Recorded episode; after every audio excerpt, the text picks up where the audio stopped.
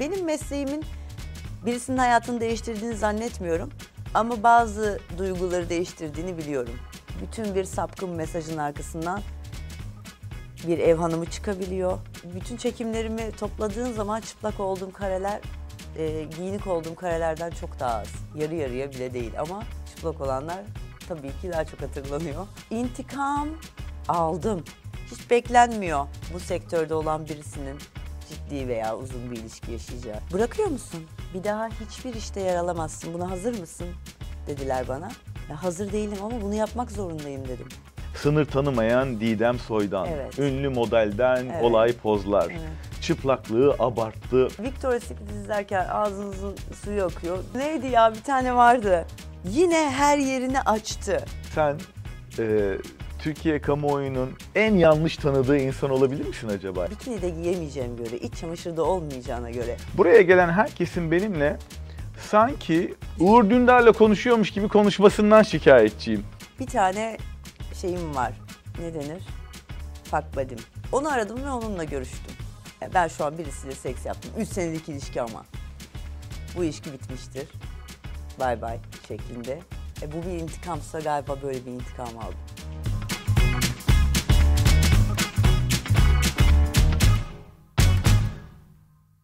Didem Soydan'la birbirimize makyaj yapacağımız, estetik ürünlerden ve müdahalelerden bahsedeceğimiz Oh. kanalımıza hoş geldiniz. Didem iyi oldu bu işe girdiğimiz. Kesinlikle bunları söylememiştin. Tonga'ya mı geldin böyle?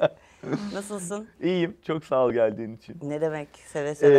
Ee, şimdi sen bir süper modelsin ve normalde senin yarın kadar iş yapan ve ünlü olan insanlar bir metrobüs dolusu eşlikçiyle geliyorlar çekimlere. Oysa sen tek başına çıktın geldin ve hazır bir şekilde. O kadar o kadar geliyorlar mıdır bilmiyorum ama e, aslında benimki de doğru mu onu da bilmiyorum. Yani te- tek bildiğim bir şey var. 20 sene oldu. Ben ilk 15 senesini menajersiz yaptım. Aha. Kalabalık beni çok yoruyor. Çok hızlı iş hallettiğim için ben kendim. Kendim de yıllarca kendi menajerliğimi yaptığım için Senin işin bir de galiba pratik, hızlı olmayı gerektiriyor değil mi? Çok fazla hazırlık aşaması var çünkü. Çok fazla hazırlık işte. aşaması var. Bir de artık de- dediğim gibi çok uzun yıllar yapınca zaten senin bir otomatik pilotun oluyor. Ben onu çok hızlı halletmeyi öğrendim. Hı. Biz seninle bir kez dergide birlikte çalıştık ve efsane bir işti.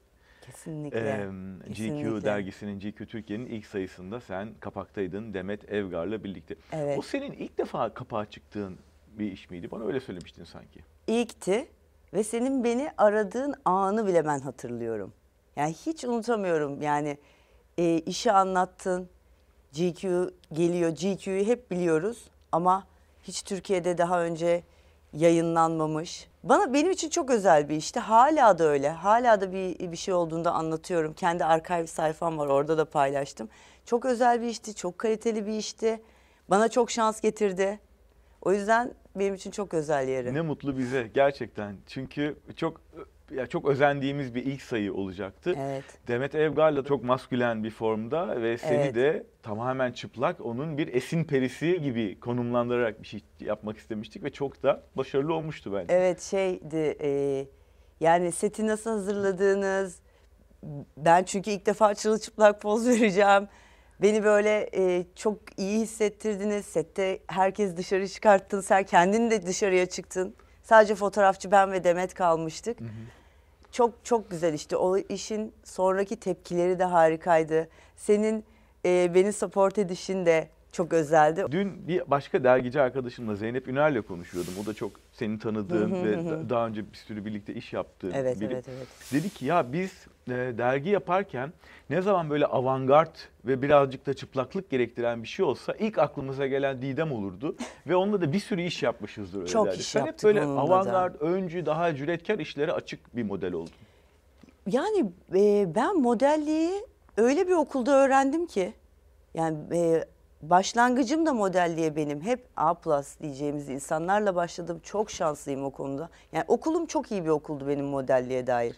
Okulum dediğin neresi tam Okulum olarak? dediğim şey işte Tamer Yılmaz'ın stüdyosunda başladım ben. Şimdi bir model bir anda e, ilk çekiminde en iyilerle çalışmaz. Genelde daha alttan yukarıya doğru gider. Ben öyle bir öyle isimlerle def- ilk defilem de benim çok iyi isimlerin olduğu defilelerdi. İlk çekimim de çok iyi e, fotoğrafçıların, saç makyaj ekibinin, stylingin olduğu e, ekiplerdi. Dolayısıyla benim işi yanlış öğrenmem sanırım imkansızdı. Bir de beni bir dört sene, modelliğe ilk başladığım dört sene bir drag queen'le ben ev arkadaşı oldum.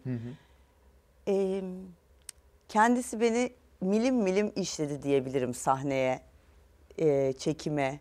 E, çok uzun bir modellik kariyerin var ama parlaman aslında 20'lerinin sonunda oldu. Yani bu sözünü ettiğimiz Tabii ki. kapak 29 Tabii, tabii, yaşında tabii. falandın herhalde. 29'um yani. Aslında neredeyse bir modelin kariyerinin bitmeye Yavaş yaklaştığı yavaş yerde. artık daha Niye- rolantiye aldığı zamandır. Nasıl Ama oldu bu iş? Yani niye bu kadar sen parlamakta bir model olarak geciktin, kapaklara geç çıktın, selebriti olmakta bu kadar uzun sürdü? Ya bana aslında o o kadar zamanında olmuş gibi geliyor ki. Çünkü normalde modellik e, iş olarak çok erken yaşta başlar. Yani 13'te başlar.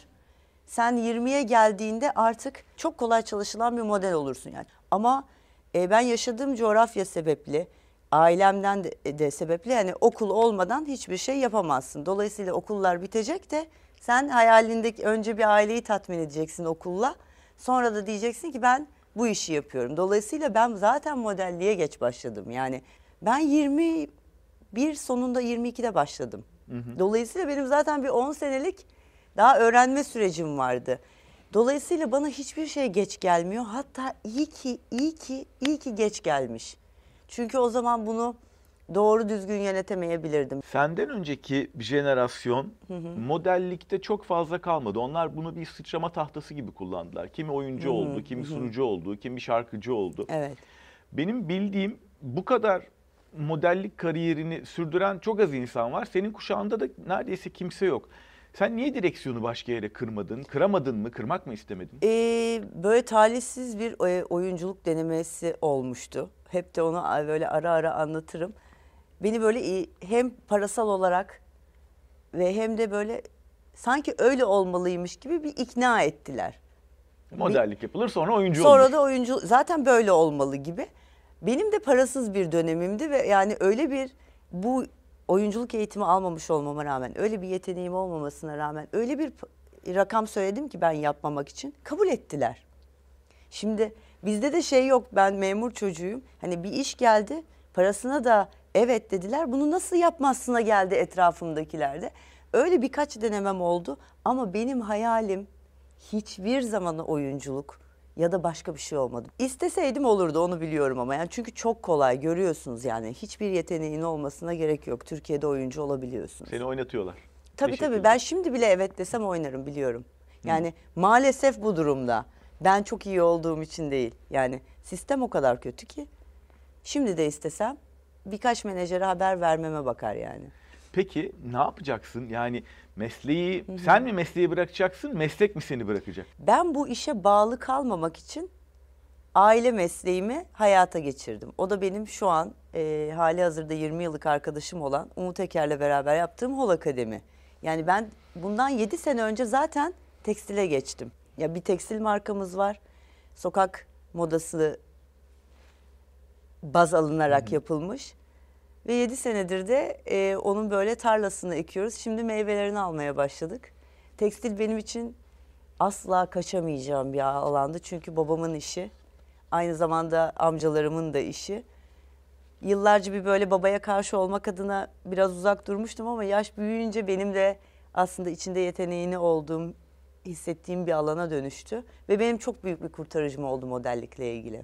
Yaptığın işin yani modelliğin en zorlayıcı tarafı ne? Ya şey mi? Mesela hazır olmak mı? Yok fiziksel bir tarafı mı var zorluğun? Yoksa insan ilişkilerinde mi zorluk? Yani ben bu 20 senelik meslek hayatımda ne başıma kötü bir şey geldi, ne birisiyle bir küslüğüm oldu, ne de bir zorluk yaşadım. Bak çünkü ben bunu çok hayal ederek yaptım. Bu mesleği ben 12 yaşımdan beri hayal ediyorum. Ben hayalimi yaşadığım için bana bu işi yaptığım her an hala devam mı ediyor, bu rüya bitmedi mi dediğim bir an. Tek zorluğum şu oldu, coğrafyamız sebepli e, devamlı model olduğumu hatırlatmam gerekti etrafa. O da sosyal medyadan sonra ben bunun farkına vardım. Bu kadar vahim durumda olduğunu bilmiyordum mesleğimin. Senin hakikaten sosyal medyada çok ayrıksı bir durumun var. Pek çok kişi ben hiç umursamıyorum der ama aslında umursar. Çok az kişi gerçekten umursamazlık edebilir. Sen de aslında bir yandan umursuyorsun bence ama kendini geri çekerek değil, ileri atarak gösteriyorsun umursadığını. Çünkü hiç o konuyla ilgili e, cool gözükmek adına ya ben okumuyorum ya ben yapmıyorum demedim. Çünkü ben dediğim gibi başında bütün işi kendim yaptığım için ve benim bir ajansım ya da beni temsil eden bir durum olmadığı için sosyal medyayı ben şöyle aldım bir anda. Mene, menajeri olmayan biri olarak işte benim gazetelere ya da biten dergi sektörüne ya da biten gazeteciliğe bir ihtiyacım yok. Bu benim hem gazetem hem dergim hem, Hem ajansım bültenin, hem hem, ajansın. başı- basın bültenim olduğu için ben her şeyi birebir yönettim. Şimdi bazı insanlar muhtemelen senin fotoğraflarını kesip duvara asıyorlardır. Ben senin bazı sözlerinin de basılıp duvara asılması gerektiğini düşünüyorum sosyal medyada. Yılmadan onlarca mesaja cevap veriyorsun. Evet. Bir dönem öyleydi. Artık değil. Çünkü o dönem ben New York'ta yaşıyordum. Saat farkından dolayı ve de 5 yılımı alan bir uykusuzlukla ilgili süreçten dolayı ben hep ayaktaydım. O benim için bir artık oyun haline gelmişti.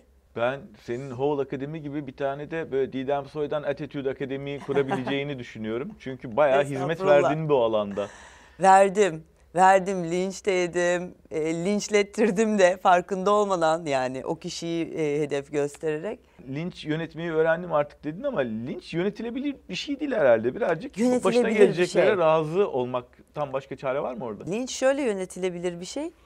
Ee, halkın bir şeyi çok hızlı unuttuğunu aydığın zaman linç kadar e, küçük bir şey olamaz. Ay bunlar bunu bir saat sonra unutacaklar çünkü yani insanlar ölüyor ve tam olarak bir saat sonra unutuyorlar. Yani bir gün bile değil artık. Dolayısıyla şöyle oluyorsun yani. Anlat anlatabildiğin kadar biraz sonra unutacaksın çünkü senin hafızan zaten o kadar. Senin e, söylediğin sözler az önce duvara asmak lazım dediğim. Ukrayna'da masum çocuklar ölüyor paylaşımlarınızı ona göre yapsanız diyen birine siz o esnada neden Instagram'da dolaşıyorsunuz diye yanıt verdi. evet. Mesela biri bana ukala yaklaşırsa benden ukalaca bir cevap alır ama bu beni ukala yapmaz gibi sözleri. Evet. E, Yani meramını aslında- çok iyi anlatan sözler Evet bunlar. çünkü yani birisi sana sokakta o tavrı gösterdiğinde sen sen ne yapıyorsun? Karşılık veriyorsun. Ya sosyal medyada bu niye değişiyor? Yani ben e, gerçekten sokakta da büyümüş bir çocuğum. Yani Kavgada, serbest kavgada satış. yumruk sayılmaz diyorsun. Sayılmaz serbest satış bu yani. Biri sana sokakta saygısız davranamıyorsa sosyal medyada da davranamaz. Geçen gün 52 bin takipçiyi blokladığını, engellediğini okuduğun zaman şaşırdım. şöyle anladı insanlar yani tek tek 52 bin kişi. Halbuki Instagram'ın bazen farkındasındır belki değilsin. Filtre Bir anda getirebiliyorsun. takipçin gider. Hmm. Benim filtrelerimi ben hep açtım. Yani spam olanları engellesin diye ya da e, az etkileşimde olan hesaplar engellensin diye ya da e, sınırlayabiliyorsun ya istatistikleri. Bir sene içinde toplamda 52 bin kişi git. O, o filtreden geçemediği için gitmiş. E, bazı kelimeleri de filtreleyebiliyorsun. Onları kullananları da engelliyor sistem.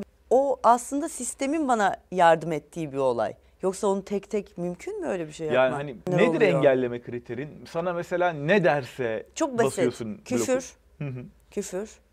O genelde oluyor. Ya da e, cinsel taciz anlamına gelecek kelimeler. Ya da aileyle ilgili. Bunlar yüz yüze bunu yapamıyorlar. Hı hı.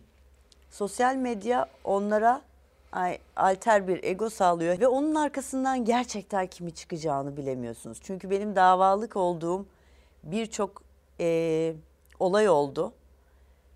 Oralardan o hesapların arkasında mahkemede karşımıza gelen kişileri keşke size gösterebilsem. Bir ev hanımı çıkıyor. Bütün bir sapkın mesajın arkasından bir ev hanımı çıkabiliyor. Bazen gencecik kendi şirketinde CEO olmuş birisi çıktı benim mahkemede karşıma. Bildiğin harika okullarda okumuş ama sahte hesap. Çocuk yalvarıyor karşımızda ne olur? Hani şirketimdekiler bunu duymasın. Çünkü CEO çocuk. Üniversite öğrencisi harika bir pırıl pırıl birisi de çıkabiliyor. Bazen de gerçekten tahmin ettiğimiz gibi eğitim seviyesi düşük ya da sabıkalı biri de çıkabiliyor. Ama beni en çok şaşırtan şey en seküler gözükenlerin bu mesajların arkasından çıkması o beni şok ediyordu. Ben bu tür yaklaşımların arkasında şey olduğunu düşünüyorum. Karşılıksız kalmaya mahkum bir e, cinsel arzunun olduğunu düşünüyorum. Tabii ki. Yani Bu çok şey oradan geliyor. Çok şey söyleyebilirim ama bu işin okulunu okumadığım için e, psikolojiyle ilgili atıp tutmak istemiyorum ama tabii ki de dipten yukarıya çıkamamış bir sürü duygu var bunun altında. Zaten bu delirtiyor insanları. Hani üzülmeye de başladım. Ya bu kadar mı sıkışıksınız? Na, no, no- nasıl yardım edeceğiz size? Sen bu konuda konuşmaktan da çekinmiyorsun. Yani işte cinsel bastırılmışlığın bu şekilde ortaya çıktığına dair teorik şeyler de söylüyorsun. Ama mesela kendi yaşamına dair de kolaylıkla konuşuyorsun ve bunu da sanki militanca bir bir, bir duy- duyguyla ya da bir bilinçle yapıyorsun gibi Aslında bana. şöyle Biraz bir bilinçle. için mi yapıyorsun? Yok şöyle bir şey yapıyorum. Yani eğer biz sosyal medya sayesinde iş kazanan yani iş kolumuzu buraya taşıyanlar olarak yatağımızdan selfie paylaşıp bu insanları yatağının çarşafının rengine kadar göstermeye evet deyip ardından da bu insanların karşısında her şeyi konuşmam demek bana kendi adıma saçma geliyor. Çünkü biz sizin yani bu sayfada her şeyi paylaşıyorum ben. Bir köpeğim var onu da paylaşıyorum. Anneannem geliyor börek açtığı zaman onu da paylaşıyorum. Hemen arkasından bir iç çamaşırı e, markası için yaptığım çekimi de paylaşıyorum. Ardından defilemi paylaşıyorum. Burada bir rutin var. Dolayısıyla bu kadarını konuşurum, bu kadarını da gösteririm. Biraz riyakarca geliyor bana. Dolayısıyla ben her şeyi konuşuyorum. Ama anlatırken de mesela sadece fotoğraflardan değil, bahsederken de kendi yaşamından, kendi cinsel yaşamından, aşk dünyandan Evet. falan bahsederken de orada da başkalarının olmayacağı kadar açıksın mesela. Evet açığım çünkü dediğim gibi yani ben hiç o baskıyı görmediğim bir yerden geldiğim için ve konuşulur konuşurken hiç baskılanan bir çocukluk geçirmediğim için sadece ben değil yani kendi ailemin tamamı da geniş de bir aileyiz. Türkiye'de herhalde e, ahlakçılıkla en fazla karşılaşan kişilerden birisin ya da en hı. başındasın belki. de. Başında değilimdir ama çünkü benden önce de bu işi yapan insanların e, çok kötü duruma düşürüldüğünü gördüm. Za- yani zamanında e, televolelerde izlediğimizde de aslında büyük tacize e, ve aşağılanmaya uğradıklarını ama o an için bunu kimsenin fark etmediğini de gördüm. Dolayısıyla bana gelene kadar çok fazla insan bu sorunla karşılaştı. Yani bunu edebiyatçısı da karşılaştı, sanatçısı da, e, ressamı da, gazetecisi de herkes didiklendi ve suçlandı ahlaksızlıkla. Dolayısıyla tek değilimdir yani başında değilimdir. Ama ortalarda bir yerde yer almaya başladım galiba 20 senenin sonunda. Oralarda bir yerdeyim. Peki bu mücadele bir işe yaradı mı? Kendi adına bir işe yaradı mı? Yani biraz olsun bloklamanın, engellemenin dışında bir tavır değişikliğine yol açtın mı? Bir aydınlanma yaşatabildin mi sence? En azından takipçilerin. Onu benden sonra gelen kuşaklara sormak lazım. Yani benle bir benim sayfamla bir 10 senesini geçiren bir kızın bir kadının 10 senelik yolculuğunu ya da 15 senelik yolculuğunu izlerken çünkü arada mesajları alıyorum tabii ki. Senin senden görerek böyle davrandım ya da böyle devam ettim ve böyle durdum ve karşılığında şunları aldım diyen bir sürü kişi biliyorum. Ama bunu benim söylemem ne kadar doğru olur onu bilmiyorum. Benim mesleğimin birisinin hayatını değiştirdiğini zannetmiyorum. Ama bazı duyguları değiştirdiğini biliyorum. Özellikle kadınlarda. Kendini güvende hissediyor musun? Evet. Yani kendimden dolayı çok güvende hissediyorum. Yani benim sırtımı dayadığım en güçlü şey Didem. Özgüvenini nereden alıyorsun? Ne besliyor senin özgüvenini? Ailem insanları gıcık edecek kadar ukala bir aile diyebilirim. Annem böyle söyleyince çok kızıyor. Yani ukala deme bize diyor. Ben şu an anneannemi arayayım. Yani şey bile yapabiliriz, deneyebiliriz bile yani. Anneannem 83 yaşında. Ee, Allah uzun ömürler versin. Anneanne bir şey oldu. Şu an söyleyemem. Ama bizim Almanya'ya taşınmamız gerekiyor. Yarın. Yani insanın sesi titremeden ya da düşünmeden şu cevap verir mi? Ne zaman gidiyoruz? Yani sen nereye geliyorsun? Ben yaşlıyım. Bizim gitmemiz gerekiyor. Türkiye'den şu an çıkmamız gerekiyor. Ve paramız, her şeyimiz burada kalacak ama sen benle geleceksin. Ne zaman der. Dolayısıyla bu çok e, bir çocukta ya da bir genç bir kadında çok büyük bir özgüven yaratıyor. Ailenin, annenin böyle olması ya da ben de onlara benziyorum, benzeyeceğim diyemiyorum. Bana da her, her an ben burayı kapatıp gidebilirim. Ben New York'a da öyle gittim bu arada. Bana dediler ki gittiğin an Türkiye'de unutulursun. Bak gittiğin gün unutulursun. Ben dört sene sonra geldim. Hayatımda yaptığım en büyük işleri New York'ta yaşarken yaptım Türkiye'de. Öyle ki yılda 12 kere geliyordum Türkiye'ye büyük işleri çekmeye.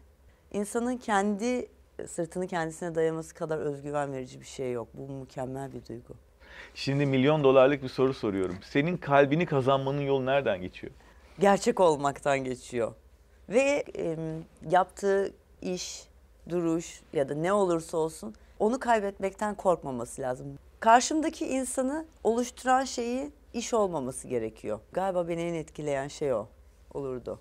Yani tabii ki de insanlar sevdikleriyle ve aileleriyle ve hastalıkla sınanmasınlar. Bundan bahsetmiyorum ama her herhangi bir şeyin onu korkutmaması gerekiyor. Bu galiba. Gözü karalık beni etkileyebiliyor. Hmm. Etkiliyor, etkiliyor, etkileyebiliyor değil, etkiliyor. İşine döneceğim tekrar.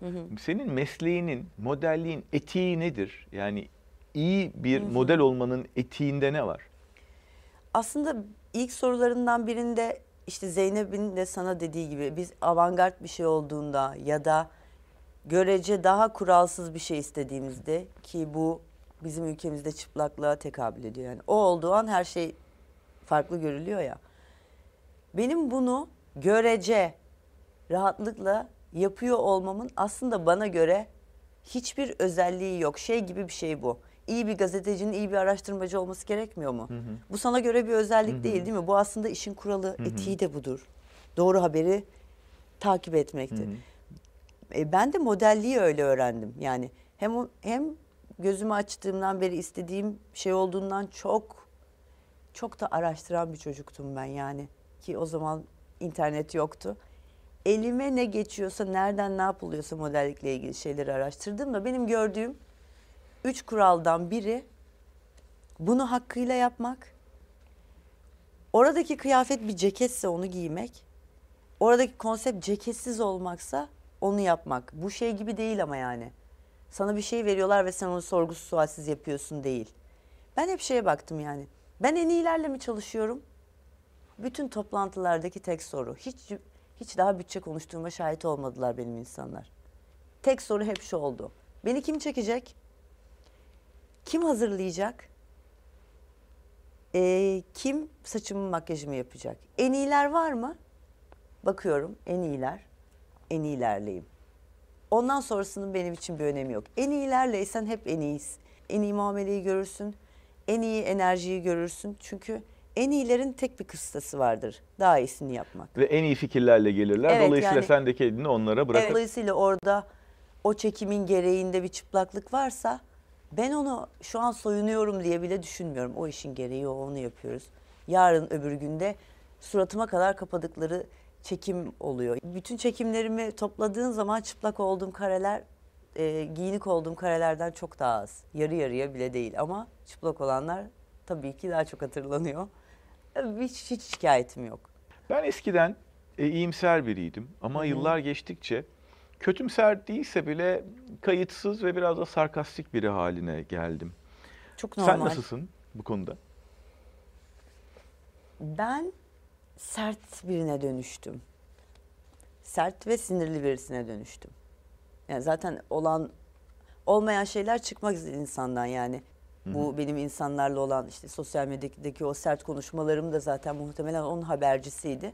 beni çok daha çok çok daha sinirli birine dönüştürdü onu biliyorum. Sarkastik birine dönüşmedim ama daha da keskin sınırları olan ve sinirli birine dönüştüm yani. Zamanla karşılıklı ikili ilişkilerde de onu görmeye başladım şey olarak yani iş olarak değil de gönül işlerinde onu görmeye başladım. Nasıl yani. yansıdı bu ikili ilişkilerini, duygusal ilişkilerini? Zaten çok yalnız kala- kalmayı çok seven birisiyim. Yani benim meşhurdur evden. Beş günüm varsa beş gün çıkmayabilirim evden. Altıncı günde neden çıktım diye çok üzülürüm. Yani sen şeylerden biliyorsun. Davetlerde de çalışıyorsam o işte Hı hı. varım. Çok az görünürsün. Çok az gözükürüm ya da fotoğrafı verir hemen eve kaçarım. Ee, beni şeye çok itti. Zaten yalnızlığı seven biri olarak daha da izole biri olmaya çok itti. Dolayısıyla ilişkilere de şöyle yansıyor. Çok fazla e, alanımı işgal etmesi beni şey yapıyor. Zamanla tahammülüm daha azaldı. Yani önceden ne kadar çok zaman geçiriyormuşuz karşımızdaki kişilerle falan olmaya başladım. Yani ilişkiyi de aslında tek başına yaşamayı seviyorsun. Yani neredeyse şeyim hani tamam görüştük ve daha yani üç gün sonra görüşebiliriz. E, Düşün bana bir üç gün lazım yalnız olmam için gibi böyle bir manyağa dönüşüyor olabilirim zamanla. Böyle biri oldum yani. Kaş, yani iki gün geçiriyorsam ikinci gün ben gözün üstünde kaşı var bunun demeye başlıyorum. Hemen alanımı istiyorum kendime ait alanda kalmaya çalışıyorum. Alanımı daha da güçlü şekilde korumak benim için çok önemli bir kıstas oldu. Mesleğim dolayısıyla çok büyük kalabalıkların içerisindeyim setlerde de bir şey de minimum bugün buraya gelirken de geldiğim sette 25 kişi vardı. Yani zaten çok dokunulduğum, saçımdan kaşıma ellendiğim, giydirilirken de hep dokunulan, ay dokunduktan sonra da fotoğraf yayınlandıktan sonra gözle dokunulan bir işe sahip olduğum için o beni zamanla daha da yalnız kalayım, bir kendimle kalayım, bir şarj olayım haline etti. Öfkelenmeyen, öfkelense bile dışa vurmayan biri gibi görünüyorsun. Öyle mi? Böyle öfke küpüne dönüştüğün, dumanlar çıktığı alanlar oluyor mu kafanda? Çok, çok çok çok işle, iş. Beni, beni sinirlendirmek istiyorsan işteki seviyenin bir gram bile düşmesi beni delirtiyor. Bambaşka birisini görürsün. E, intikamcı biri misin? Hiç intikam aldın mı? İntikam aldım. Anlatmaya değer bir intikam öykün var mı? Ya da anlatabileceğin bir intikam öykün. Yani intikam böyle kelime olarak sert bir kelime. Hani birine muhtemelen zarar vermeden onun adı intikam olmuyor. Sinirli bir insan olmakla kinci bir insan olmak arasında çok büyük bir fark var ya. Bende kin yok, bende saman alevi. Öyle bir hayattan da gelmiyorum. Öyle şeyler de yaşamadım işimde de. Dolayısıyla ya böyle bakıyorum onlar intikam sayılmaz ya. Rövanş bile yok diyorsun yani. Bir şeyin Yok. rövanşı için bile Çünkü uğraş- şu olmadı yani. Eğer daha böyle iş haricinde bir şeyden bahsediyorsak yani gönül işlerinde de ben hep ayrıldım ve bir daha o insanlarla yanlışlıkla bile karşı karşıya gelmedim. Böyle bir şey olabilir mi? Yani öyle bir koruma duvarı bendeki.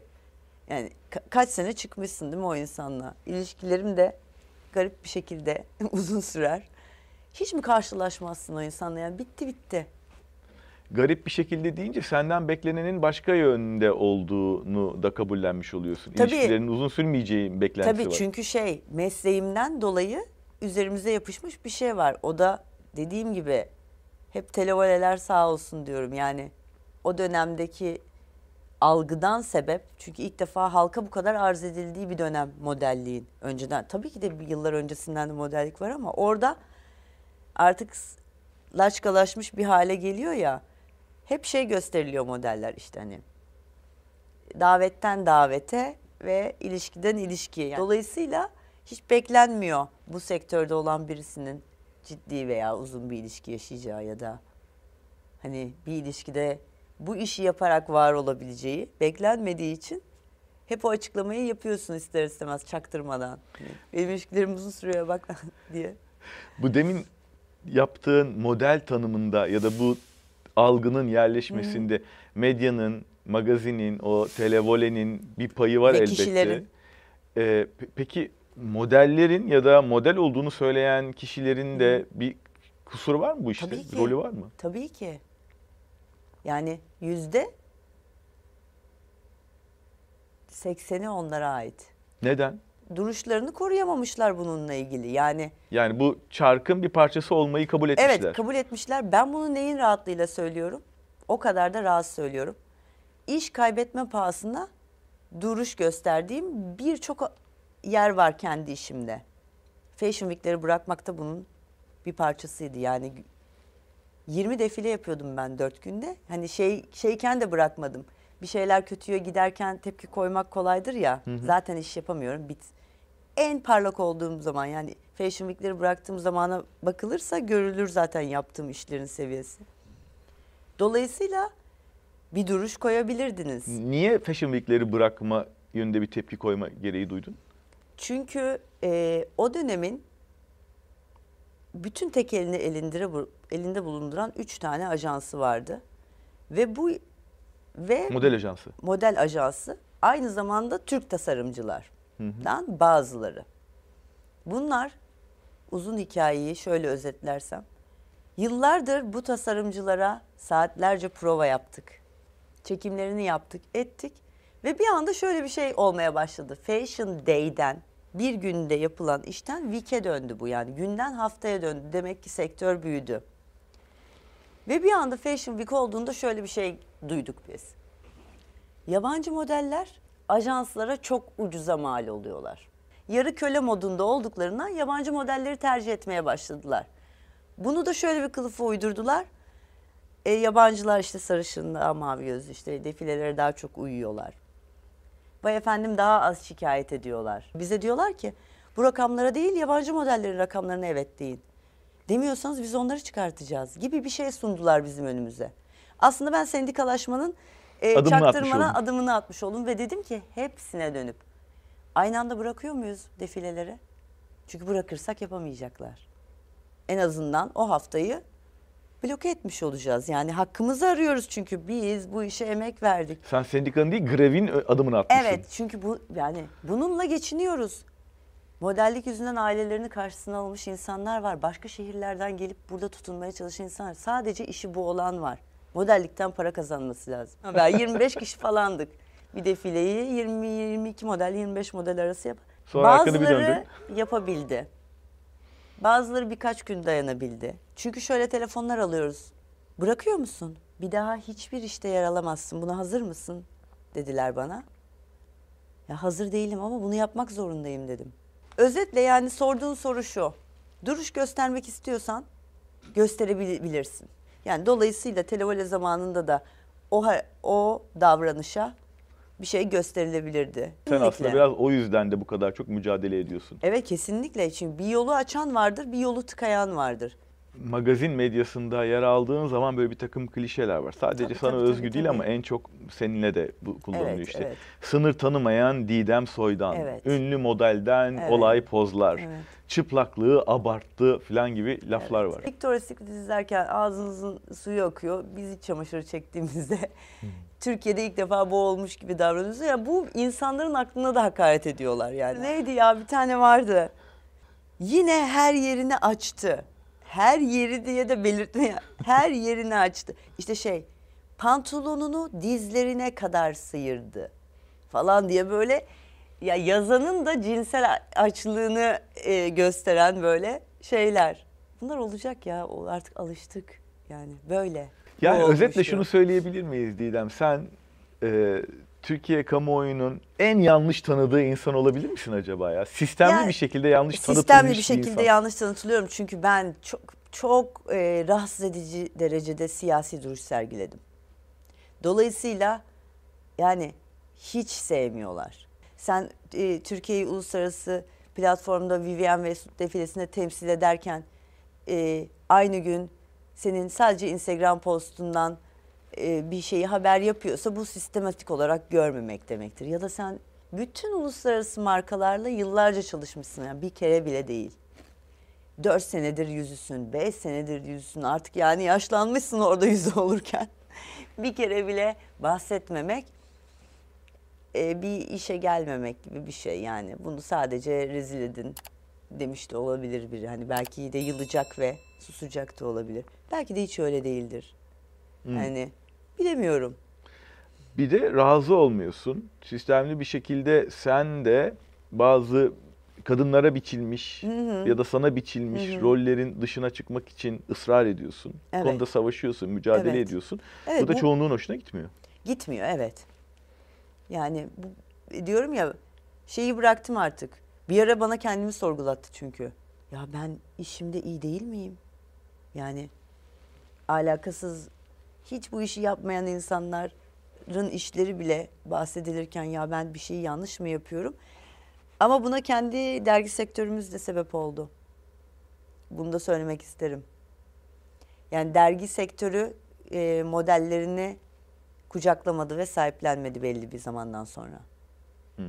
E, bunu bunu kesinlikle yaptılar ve ben buna dergi editörlerinin çok büyük sorumluluğu olduğunu da düşünüyorum. Bunu hep söylemek istemiştim. Sana çıktığım fırsat olsun söylerim. Çünkü Ama- modelleri Hı hı. işlerini, portfolyolarını sağlamaları için dergi çekimlerine ihtiyaçları vardır. Benim değil. Ben arşiv sayfası yapacak kadar şeyim var. Ben artık bir yere geldim. Ama siz bu modelleri e, yabancı modellere tercih ettiniz ve öğrenme alanı tanımadınız onlara. Çok büyük parmakları olduğunu düşünüyorum. Bu yüzden tanıdığımız çok sayıda yeni model yok. Türk model yok. Evet. Yeniler var. Ben nereye çıkarsam fırsat bulup isimlerini söylemeye çalışıyorum işte. Neyse zaten Ya artık da- dergi diye de bir şey kalmadığı Kalmadı. için. Tabii. Tabii ki. Tabii ki. Ama Didem Soydan da yine her yerini açtı. Buraya da ekstra kapalı gelmem. Hani kimi kandırıyorsun sen Açma. Didemciğim? Ya gerçekten Şimdi Didem yani. yani. kimi kandırıyorsun? Ne Burada Benimle konuştuğun için mi böyle geldin acaba? Siyah siyah hakikaten Hayır, her yerini çünkü- Burana kadar E, kapatarak bir de buraya kadar yani hiç bir bileklerim açık. Ee, şöyle oldu. Programını izliyorum. Herkes siyah. Sen de siyah giyiyorsun. Diğer sette. Masadakilerde. Ben orada yanıldım. Ee, Beren Saat'i ilk yaptığında izlediğimde aa dedim ne güzel tamam oturuyorlar. Sonra masaya geçtiğinizi gördüm. Dedim ki konsept değişti. Zaten böyle gözükecek. Bikini de giyemeyeceğim göre, iç çamaşırı da olmayacağına göre. Ben buraya uslu uslu geleyim. Ben kıyafetten şikayetçi değilim. Bak gerçekten bundan sonrakiler için de söylüyorum. Buraya gelen herkesin benimle sanki Uğur Dündar'la konuşuyormuş gibi konuşmasından şikayetçiyim. Kardeşim bir rahat olun, bir salın Ya. ya. Tabii ki ama şöyle bir şey var. Sen bir gazetecisin.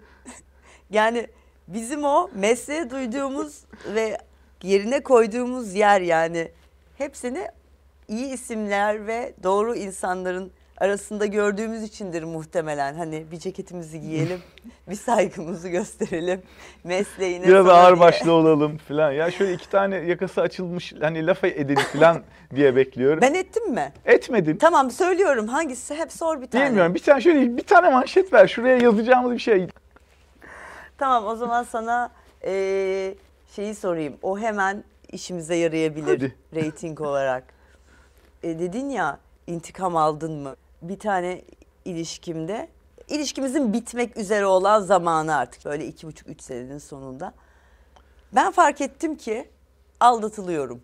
Hissettim ve o en sonunda da bana bunun bir şeyi geldi. Teyidi geldi yani. Geldiği gibi konuşacağım kendisiyle. Kendisinin de bir seti var ama bu kişi oyuncu değil. O yüzden yanlış anlaşılsın istemiyorum. Yani kendisinin işinin bitmesine böyle daha 10-12 saat var biliyorsun. Uzun sürer ya setler şeyler. Bir tane şeyim var. Ne denir? Fuck buddy'm. Eskilerden görüştüm ama ilişki esnasında değil. Buddy zaten zırt diye arayabileceğin deal'da olduğu, anlaşmada olduğum birisidir. Onu aradım ve onunla görüştüm. Hemen o zayıf şeyi yaşattım kendime. Şimdi olsa yapmam. Ha önce bir durumu eşitledin. Kendi kafanda Evet kendi eşitledin. kafamda durumu eşitledim. Ve şöyle bir şey yaptım yani. Geldi ve direkt kendisine şey söyledim. Ben şu anda kişinin adını söyledim. Onunla seks yapmaktan geliyorum. Seninle de bu ilişkiyi bitirmek istiyorum. Hani sen bunu bil. E, Ben şu an birisiyle seks yaptım. Üç senelik ilişki ama. Bu ilişki bitmiştir. Bay bay şeklinde. E, bu bir intikamsa galiba böyle bir intikam aldım. Bu bir intikam. Altını çiziyorum.